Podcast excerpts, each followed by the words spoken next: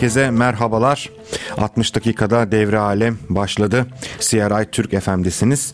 Bugün de yine dolu bir gündemimiz var. Çeşitli bölgelerden dünyada öne çıkan gelişmeleri burada hep birlikte üzerinden geçeceğiz.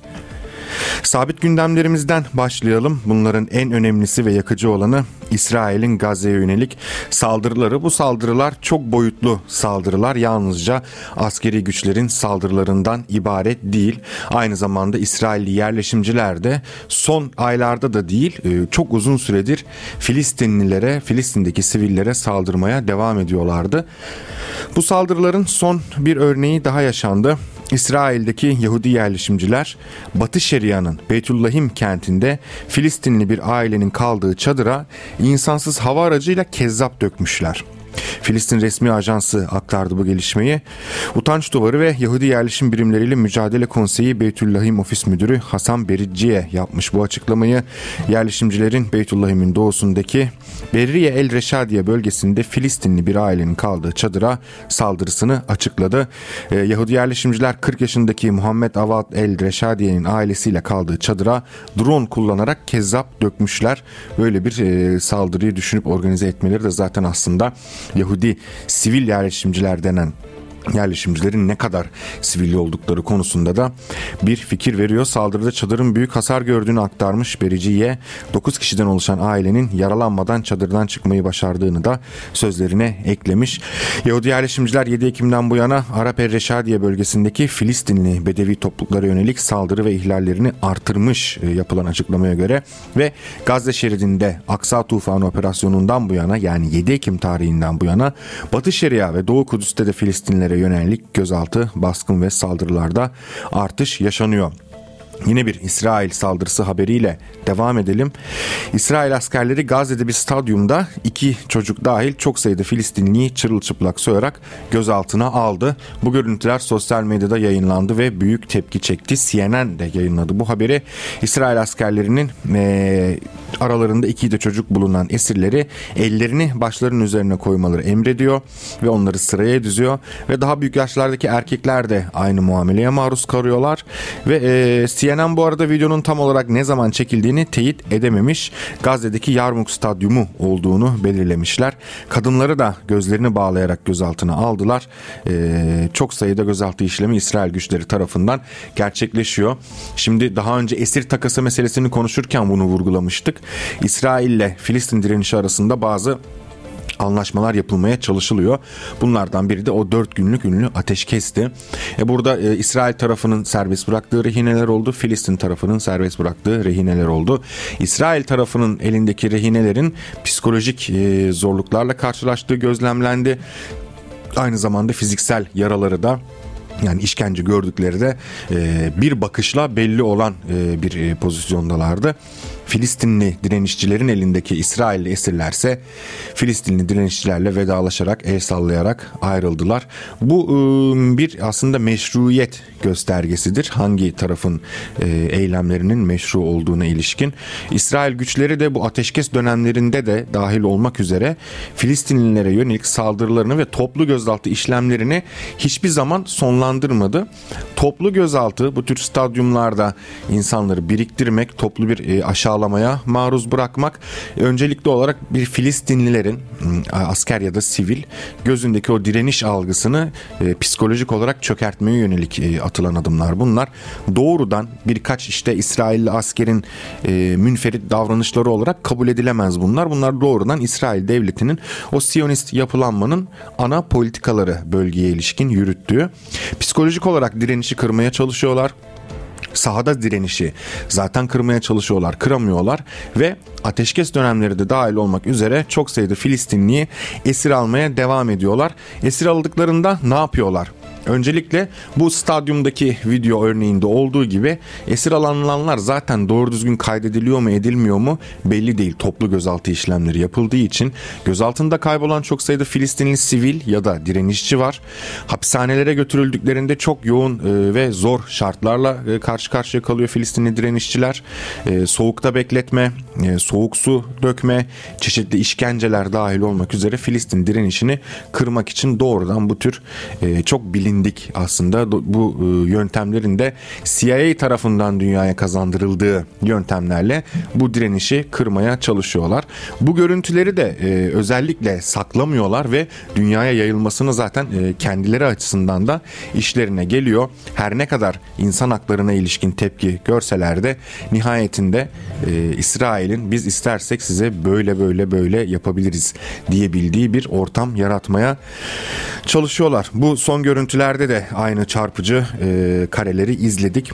Aynı şekilde İsrail ordusuna ait buldozerler ve askeri araçlar da stadyum etrafında geziniyorlardı. Filistinleri esirlerin tutulduğu ve sosyal medyada çok sayıda paylaşım aldı. Bu arada İsrail Ordu Radyosu da Suriye'den gelen bomba yüklü bir insansız hava aracının Golan tepelerinde düştüğünü duyurdu. Radyonun haberinde Gazze'ye yönelik savaşın başlamasından bu yana ilk kez Suriye'den bir patlayıcı yüklü İHA geldiği ve bu İHA'nın Golan tepelerinin güneyinde düştüğü belirtilmiş. Haberde İHA'nın düşmesi sonucu bir binada hasar meydana geldiği aktarılıyor.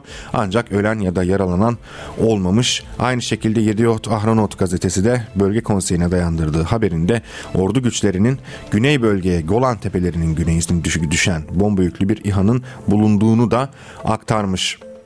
Bunun şunla bağlantısı olabilir. Hatırlarsanız İran Devrim Muhafızları Ordusu'nun Suriye'deki komutanlarından aynı zamanda ünlü e, İranlı komutan Kasım Süleymani'nin arkadaşı olan Razi Musevi 25 Aralık'ta İsrail'in Şam yakınlarına düzenlen, düzenlediği füze saldırısı sonucunda hayatını kaybetmişti. Devrim Muhafızları Ordusu bir yazılı açıklama yayınlamıştı ve Musevi'nin 2020'de Amerika'nın Irak'taki saldırıda ölen General Kasım Süleymani'nin silah arkadaşlarından biri olduğu belirtilmişti.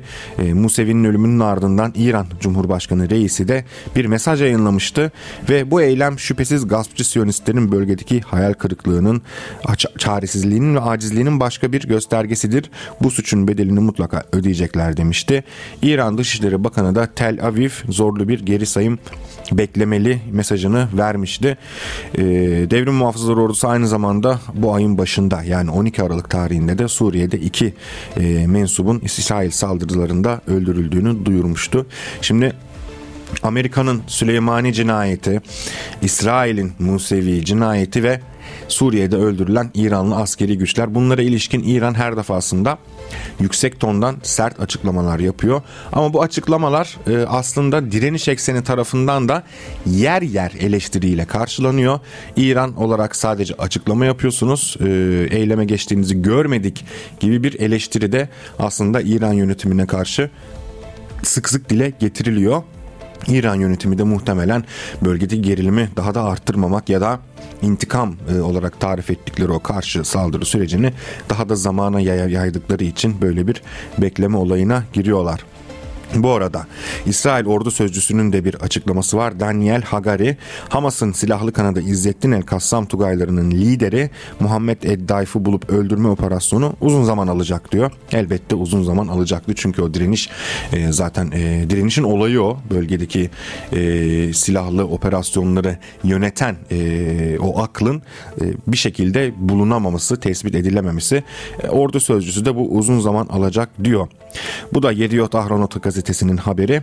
İsrail'in Gazze yönelik saldırılarına ilişkin bir basın toplantısı düzenliyor sözcü Hagari ve Gazze'nin kuzeyindeki Errantisi Hastanesi'nin yeraltı altyapısının yıkımını tamamladıklarını söylüyor ve İsrail ordusunun birkaç kilometre uzunluğunda yeraltı altyapısı bulduğunu iddia etti ve ne kadar uzun sürerse sürsün Kassam Tugayları lideri Dayf'ı bulup öldürmemiz gerekiyor. Bu iş uzun zaman alacak ve bu yapılması gereken bir görev diye e, açıklama yapmış. Aynı zamanda İsrail Kanal 12 televizyonu da Hamas'ın Yom Kippur bayramından sonra bir saldırı düzenlemek olduğunu belirten kesin bilgilerin İç İsrail İstihbarat Teşkilatı Şimbet'e e, 7 Ekim Aksa Tufanı operasyonundan önce ulaştığını duyurdu. İsrail basınının verdiği bir haber bu. E, İsrail basını da Aksa Tufanı operasyonundan bu yana defalarca hem İsrail basını hem Batı medyası yalnızca e, İsrail karşıtı ülkelerin medyalarından bahsetmiyoruz. Batı medyası hatta başta olmak üzere. İsrail istihbaratı bu saldırıyı zaten biliyordu e, diyor ve buna ilişkin çok önemli önemli veriler ortaya çıkmıştı. Son haberde e, İsrail Kanal 12 televizyonunun haberinde e, Hamas'ın Ekim ayının başlarında geniş çaplı bir saldırı planladığına dair kesin bilgilerin Şinbet'e yani İsrail İç İstihbarat Teşkilatı e, Şabak'ta deniyor buna yaz aylarında ulaşmış. Daha önce ne haberleri çıkmıştı? Daha önce de yine İsrail'de askeri istihbarata bu saldırının düzenleneceğine ilişkin bilgiler gitmişti. Neydi bu bilgiler? Hamas'ın büyük çapta ve üst düzey Hamas komutanlarının da katıldığı e, bazı tatbikatlar yapılmış. Bunu İsrail istihbaratı tespit etmiş. Bu tatbikatlarda neler var? Yerleşim e, yerlerine yönelik e, düzenlenecek operasyon. Yerleşim yerleri işte bir şehir, kent, kasaba düzenine ilişkin bir operasyon tatbikatı yapmışlar. Aynı zamanda büyük dikenli tellerin yıkımına ilişkin bir tatbikat yapmışlar. Aynı zamanda paramotorlarla o tek kişinin bindiği motorlu bir uçuş aracı paramotor. Paramotorlarla tatbikatlar yapmışlar ve bunlar zaten İsrail istihbaratının elindeymiş. İsrailli bazı üst düzey askeri yetkililer de böyle bir şeye bu çapta bir şeye girişemezler bunlar diyerek e, açık ve e, açık saçık önemsememişler yani Hamas'ın bu tatbikatlarını. İşte direniş dediğimiz şeyin başarısı da tam olarak böyle yerlerde ortaya çıkıyor. Çünkü beklenmeyeni yapmaktır eğer e, bir direniş hareketini direniş hareketi kılan şey. E, bambaşka örneklerde de biz aynı şeyi görüyoruz. Hani dünyanın çeşitli yerlerinde gerçekleşen önemli toplumsal alt üst oluşlarda veya devrimlerde e, başarıya ulaşanlar her zaman beklenmeyeni yapan kişiler kişiler veya örgütler olmuştur. Küba devriminde mesela bu bu şekilde yani 20-30 kişiyle e, Küba'ya çıktı Kübalı devrimciler. Yani zaten ciddiye alınmıyorlardı. Sovyet devrimi öyle. Çin devrimi keza aynı şekilde beklenmiyordu böyle bir güce ulaşabileceği devrim yapan Çin Komünist Partisi'nin gibi gibi gibi. Yani bunun tarih boyunca örneklerini e, çok fazla bir şekilde sıralamak mümkün. Hamas'ın e, öncülüğünde ve bütün Filistin direniş örgütlerinin katıldığı bu operasyonda da e, istihbarat istihbarat e, çalışmaları yapılmış elbette. Çünkü İsrail özellikle gözlem e, teknolojileri açısından güçlü bir ülke, güçsüz bir ülke değil. Sürekli izliyorlar. Hamas başta olmak üzere diğer e, sağ Müslüman e, ya da solcu direniş örgütlerini e, her hareketlerini kaydediyorlar. Ama buradaki asıl mesele beklenmeyeni yapmış olmak. E, bu haberde aslında aynı sonuca gösteriyor bize. Yani burada ben aslında kişisel olarak şeyi düşünmüyorum. İsrail istihbaratı zaten zafiyet içindeyim neymiş bunlar bitmiş e, bunlar zaten çökmek üzere gibi bir durum yok. İsrail dünyanın en büyük e, aslında e, baskı e, uygulayan ülkelerinden bir tanesidir. Hem kendi ülkesine hem de bölge ülkelerine ve bu baskıyı uygulamak için çok e, yoğun bir gözetim sistemine, askeri güce ve istihbarat ağına ihtiyacı olur bir ülkenin. Dolayısıyla istihbarat özellikle e, İsrail istihbarat alanında çok güçlü bir ülke. Sadece İsrail-Filistin hattında değil. Daha hatırlarsınız e, bir iki ay önce Türkiye'de bile İsrail istihbaratı çökertildi. Önemli başarılı istihbarat operasyonlarını dünyanın her yerinde e, yapan bir ülke. Dolayısıyla direniş gruplarının ne yaptığından, adımlarından illaki haberi vardı. Yani bir zaaf söz konusu değil aslında. Burada bu zaafı yaratan şey e, direniş güçlerini ciddiye alıp almama meselesi oldu. Aynı şey Husiler için de geçerliydi. Husiler e, daha böyle ilk popülerleştikleri zaman uzundur orada olan bir hareket Yemen'deki Husiler ama ilk böyle dünya gündemine girdikleri zaman bunlara işte terlikli militanlar diyorlardı ilk çıktıklarında. Çünkü gerçekten çoğu terlikli, çıplak ayakla böyle kameralar karşısına geçip tehditler savuran e, militanlar olarak görüldü Batı medyası tarafından. Ama şimdi o Husiler e, bölgede bütün o düşman gördükleri güçlere nefes aldırmayacak duruma geldiler. Dolayısıyla buradan çıkarılması gereken ders bence kimsenin e, hafife alınmaması gerektiği. Özellikle haklı bir dava yürüten e, hiçbir e, çevreni hafife almamanız gerekiyor. E, Şimbet bundan haberi olmuş. Kesin bilgiler iletilmiş İsrail iç istihbaratına. Ama muhtemelen onlar da daha önce çıkan haberlerde olduğu gibi askeri istihbaratın tavrını alarak e, çok önemsememişler. Bir bekleyelim görelim demişler veya buradan bir şey çıkmaz gibi düşünmüş de olabilirler. E, bu uyarı zaten istihbarat e, kaynağına yönelik Şimbet'e soruşturması kapsamında yeniden gündeme gelmiş. İsrail medyasının haberine göre soruşturma açmışlar.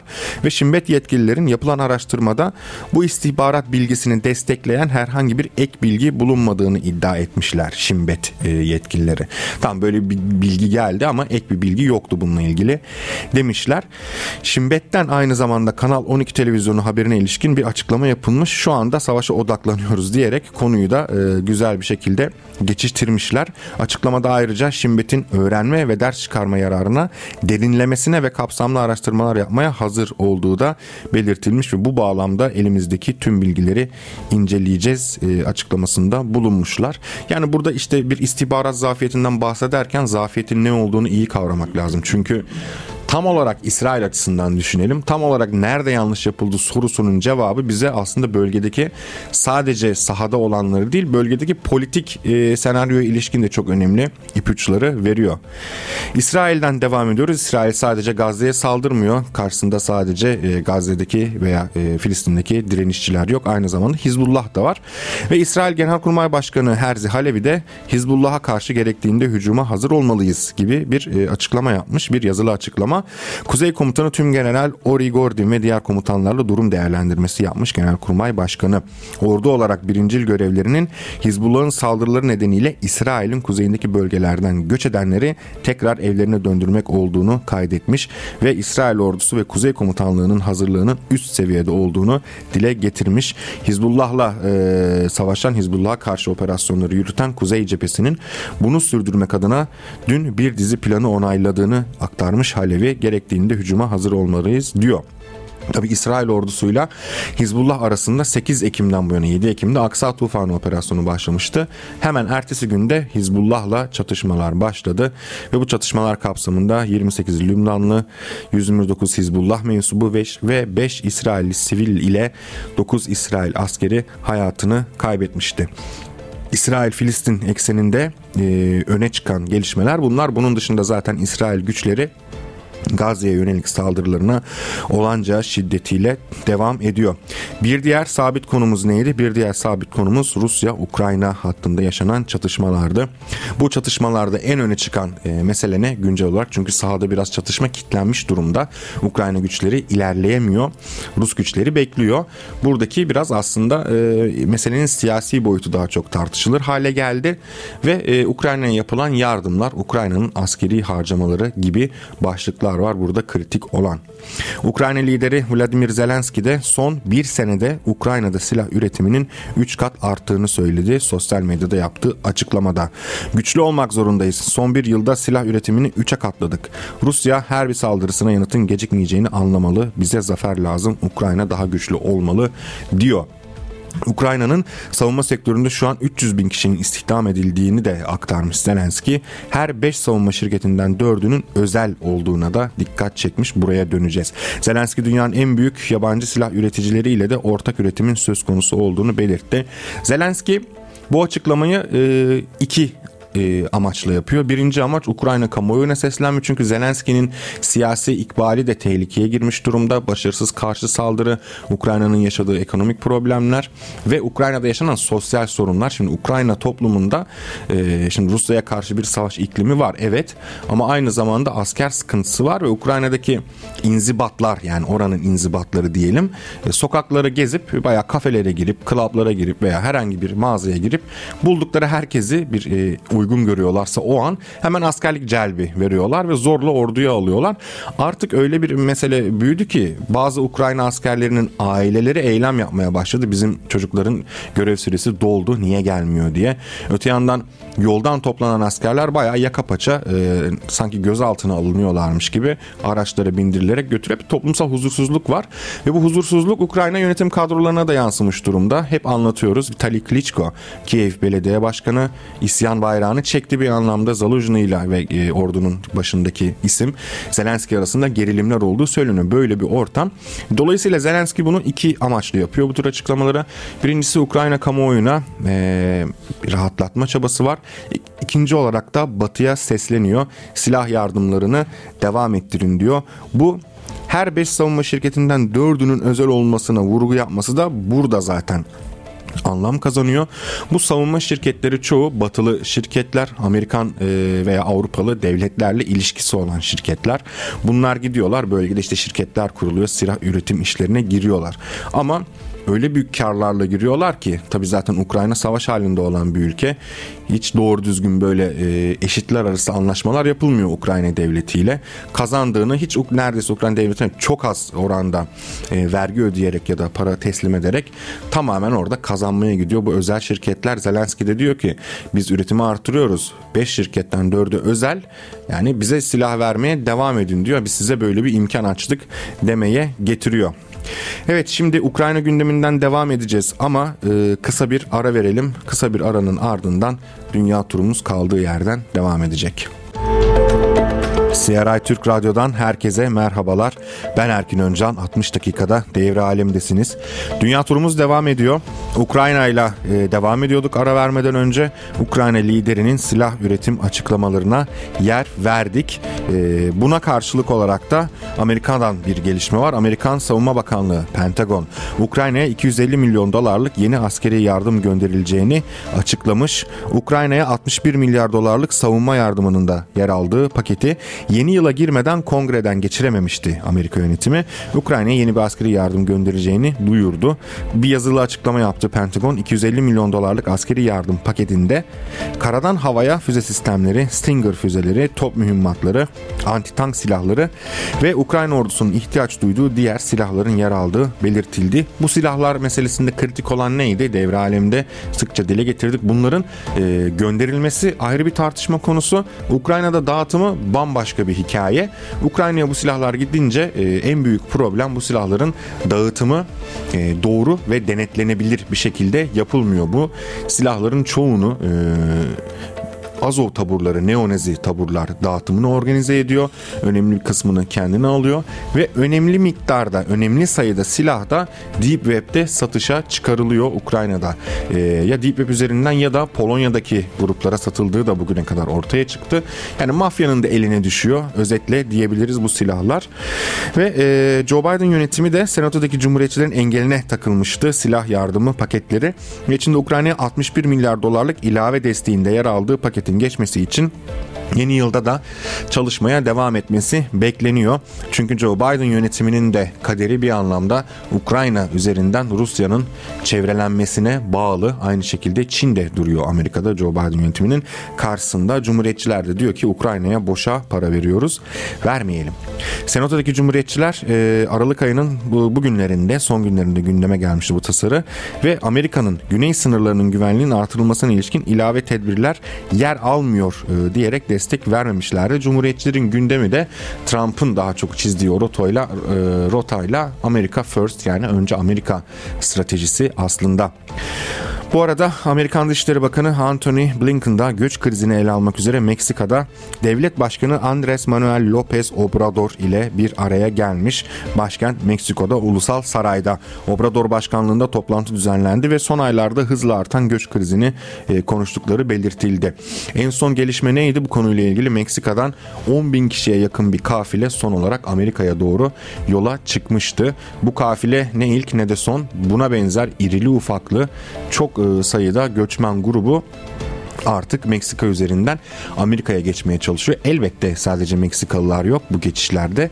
E, dünyanın çoğu ülkesinden e, Meksika'ya üzerinden Amerika'ya geçiş yapıyor göçmenler. Hatta Türkiye'de de e, Türkiye'den gidip e, Meksika üzerinden e, Amerika'ya geçen ve bütün bu hikayeyi e, video olarak kaydedip YouTube'da yayınlayan çok sayıda isim de var.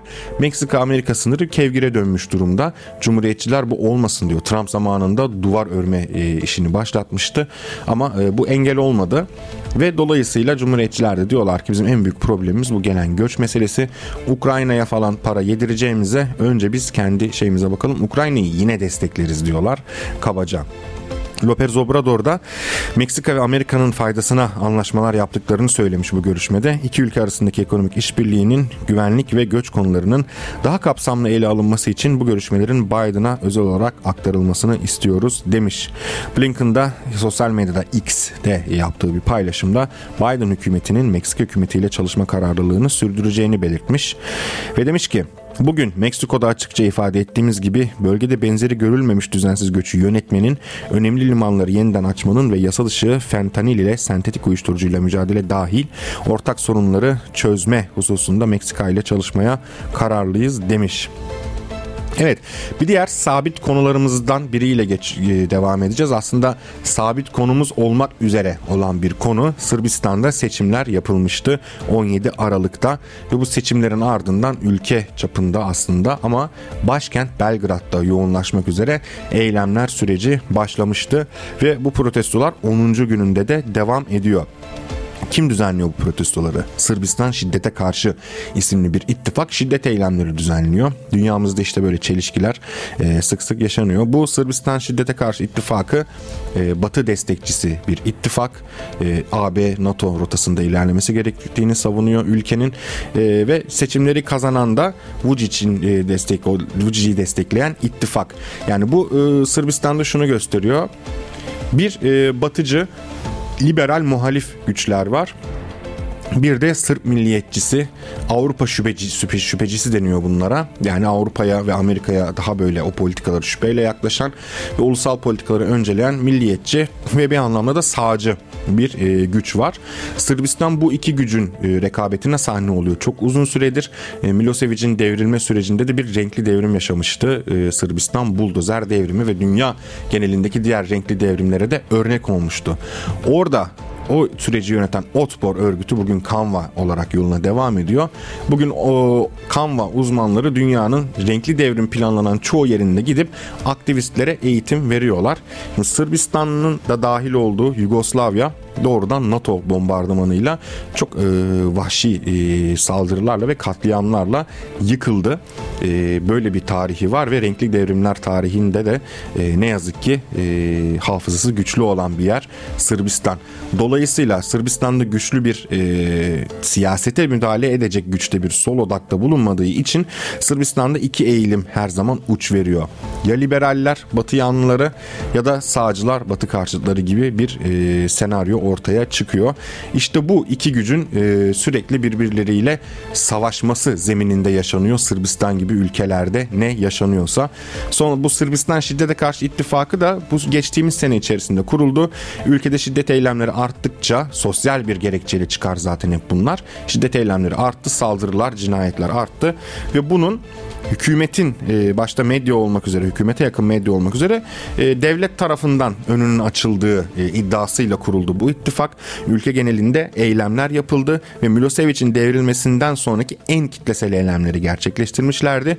Büyük umutlarla seçimlere girdiler ama seçimleri kaybettiler çünkü Sırp halkı ağırlıklı olarak batı karşıtı bir halk.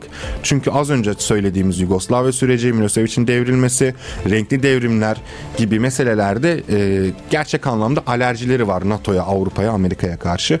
Dolayısıyla orada milliyetçiler ve sağcılar aslında ön alarak her zaman kazandılar ağırlıklı olarak. Şimdiki lider Vučić de zaten bu renkli devrimden sonraki e, gelen iktidarın en önemli muhaliflerindendi. Yani özneler bile değişmiyor Sırbistan'da. Zaten bir 10-20 yıllık süreçten bahsediyoruz. Aynı güçler Sırbistan'da savaşmaya devam ediyor. Bu konu bizim sabit konularımızdan biri haline gelecek gibi. Çünkü gösteriler 10. gününe geldi bir sosyal patlama halini almadı. Bir renkli devrim e, sürecine girmedi henüz. Ama girebilir. Dolayısıyla bu konuyu da yakından takip ediyoruz. E, son eylemlerde de 18 e, Aralık'tan bu yana protestoları organize eden bu ittifak ve bu ittifakın kilit isimlerinden biri Marinka Tepik, Tepic diye de okunuyor olabilir Sırpça. Seçimlerin iptali talebiyle açlık grevine başlamıştı. Yine çok klasik, çok klişe bir şey.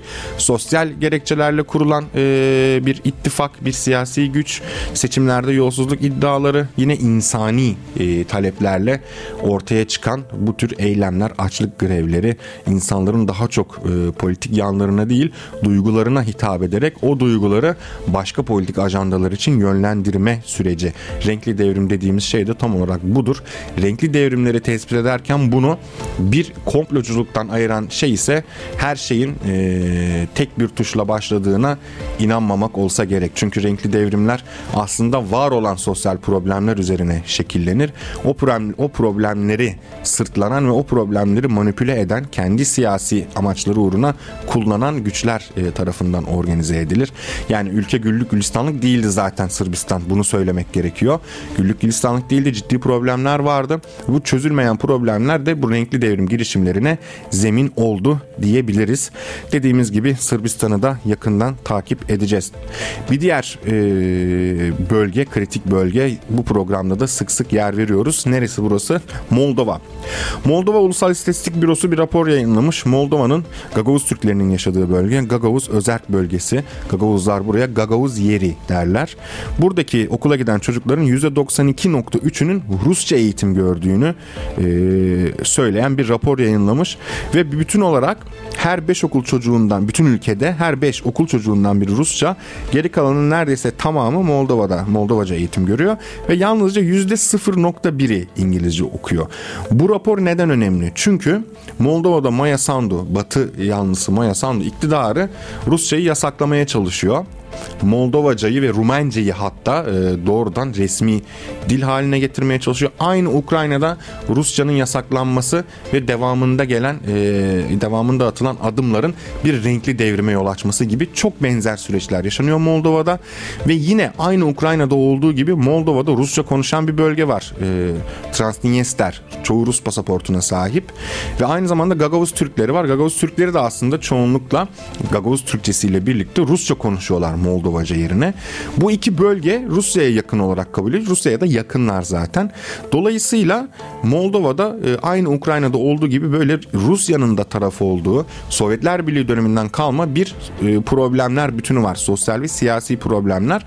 Dolayısıyla buradan yeni bir e, renkli devrim atılımı yaşanabilir veya bu özerk bölgelere ilişkin saldırılar yeniden başlayabilir. Neden? Bir, Amerika bölgeye ilgisini artırmaya başladı. İki, Maya Sandu hükümeti Rusya'yı ana tehdit ilan etti.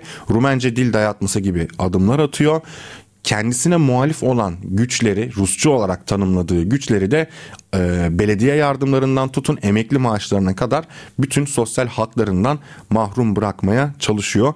Dolayısıyla böyle bir e, durum var e, Moldova'da Gagavuz Türklerini ve Transdniester'de yaşayan halkı da ilgilendiren.